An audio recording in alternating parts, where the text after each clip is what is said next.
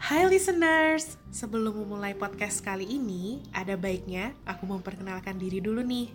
Karena ada pepatah bilang, tak kenal maka tak sayang. Perkenalkan, namaku Natasha Natania Ginarta, atau biar singkatnya bisa dipanggil Tasha.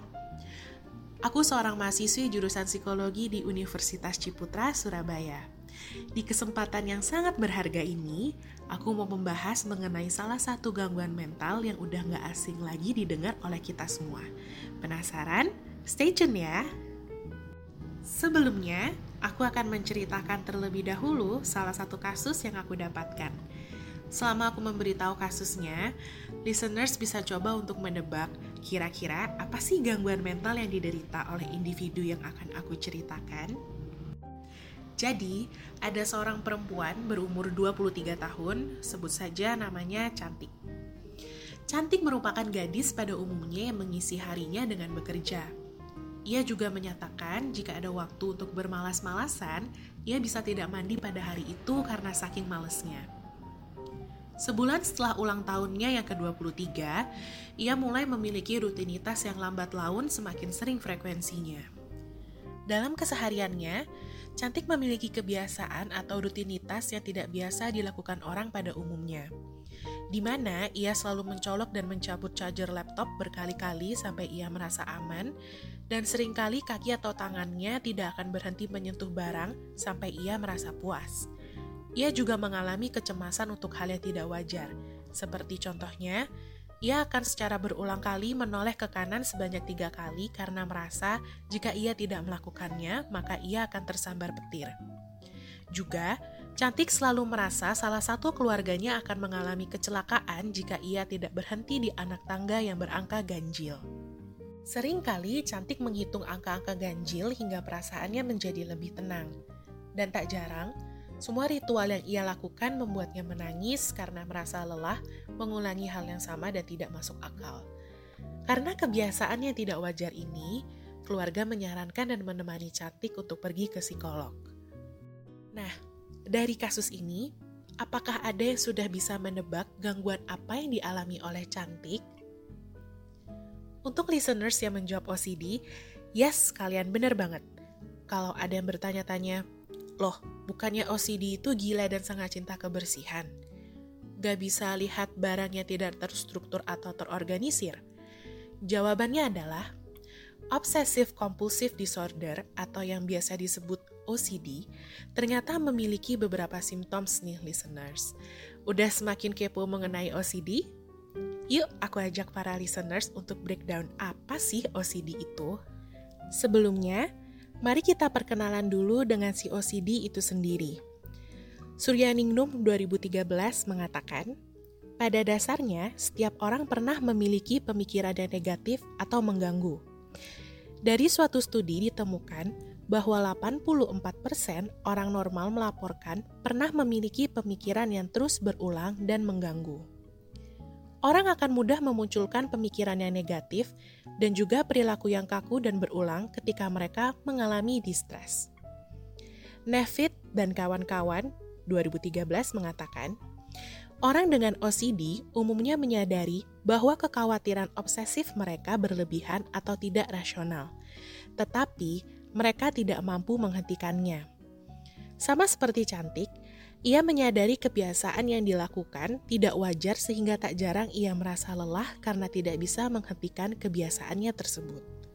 Surya Ningrum 2013 mengatakan, gangguan obsesif kompulsif mencangkup pola obsesi atau kompulsi yang berulang atau kombinasi dari keduanya.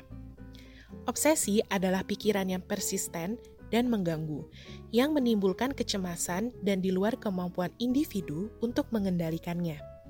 Sedangkan kompulsi adalah dorongan-dorongan yang tidak bisa ditolak untuk melakukan tingkah laku tertentu secara berulang seperti mandi, mencuci tangan, mencuci baju berulang-ulang.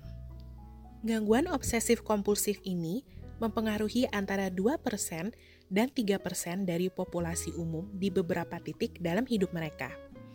Ini biasanya dimulai pada masa remaja atau dewasa awal, tetapi tidak menutup kemungkinan dapat muncul di masa kanak-kanak. Prapto Mojati 2019 menyatakan, gangguan obsesif kompulsif dikategorikan sebagai gangguan jiwa yang paling umum dengan urutan keempat dan diklasifikasikan oleh WHO sebagai salah satu dari 10 penyakit yang melumpuhkan kondisi medis. Seskai dan Hamadiah 2018 mengatakan, American Psychiatric Association atau yang biasa disebut dengan APA mencatat 1,1 persen sampai 1,8 persen dari orang-orang di dunia telah mengalami gangguan obsesif kompulsif. Secara keseluruhan, 30 persen orang dengan gangguan obsesif kompulsif mengalami gangguan tik seumur hidup mereka. Berdasarkan gangguan yang dialami oleh cantik, gejala yang timbul adalah kecemasan yang berlebihan akan sesuatu yang tidak umum, seperti takut akan tersambar petir jika tidak menoleh sebanyak tiga kali, dan takut akan terjadi sesuatu hal yang buruk jika tidak berhenti di anak tangga yang berangka ganjil. Nah, sekarang aku mau jelasin nih untuk listeners, apa sih penyebabnya? Kok bisa ya seseorang menderita OCD? Beberapa penyebab terjadinya gangguan OCD adalah yang pertama, faktor biologis, yaitu adanya perubahan pada fungsi otak dan zat-zat kimia dalam otak, seperti kadar serotonin dalam otak yang rendah, dan sebagainya. Infeksi tertentu juga mungkin dapat menyebabkan OCD. Yang kedua, genetik. Resiko terhadap OCD cenderung lebih tinggi pada penderita yang mempunyai anggota keluarga dengan riwayat OCD. Terdapat juga gen-gen tertentu yang mungkin berkontribusi terhadap OCD. Setelah itu, kepribadian. Orang yang rapi, teliti, teratur, memiliki disiplin dan tanggung jawab yang tinggi, atau orang yang mudah cemas, akan memiliki kecenderungan lebih tinggi untuk mengalami OCD.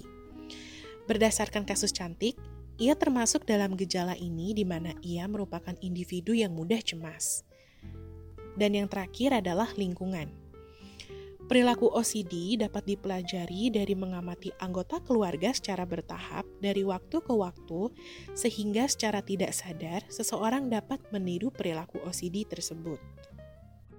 Kira-kira apa ya dampaknya kalau misalnya seseorang yang mengalami atau menderita OCD tidak langsung dirawat atau diatasi?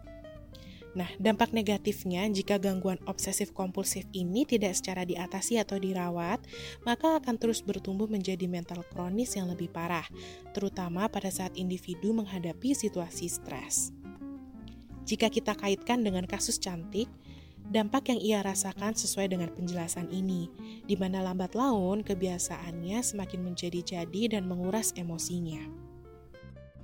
Jadi, treatment apa ya yang bisa dilakukan untuk seseorang yang sudah menderita OCD ini?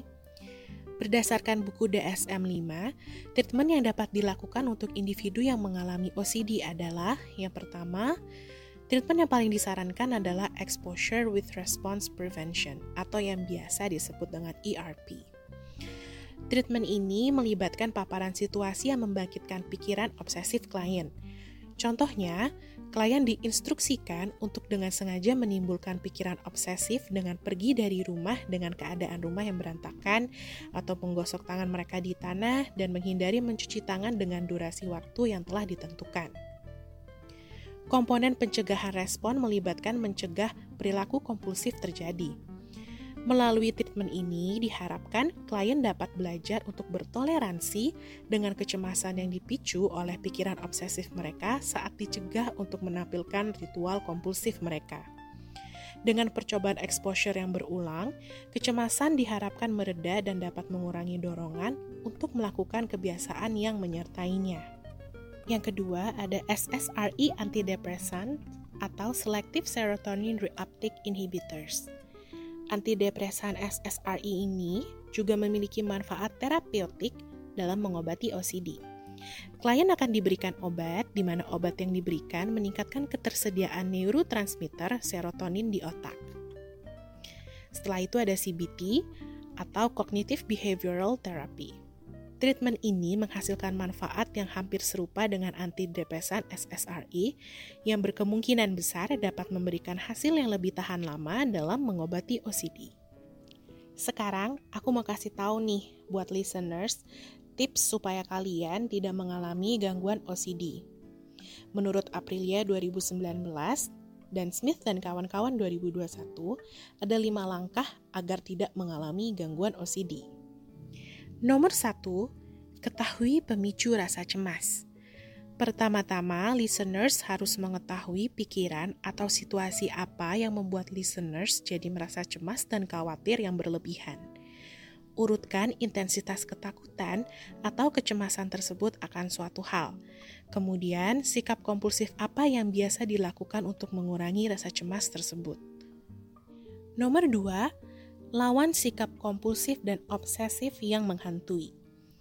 Setelah mengetahui penyebab kecemasan dan sifat kompulsif yang sering dilakukan, cobalah untuk menghadapi rasa takut itu.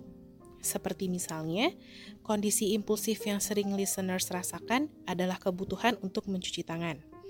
Hal ini dipicu karena rasa takut akan bakteri dan kuman yang menempel di fasilitas umum.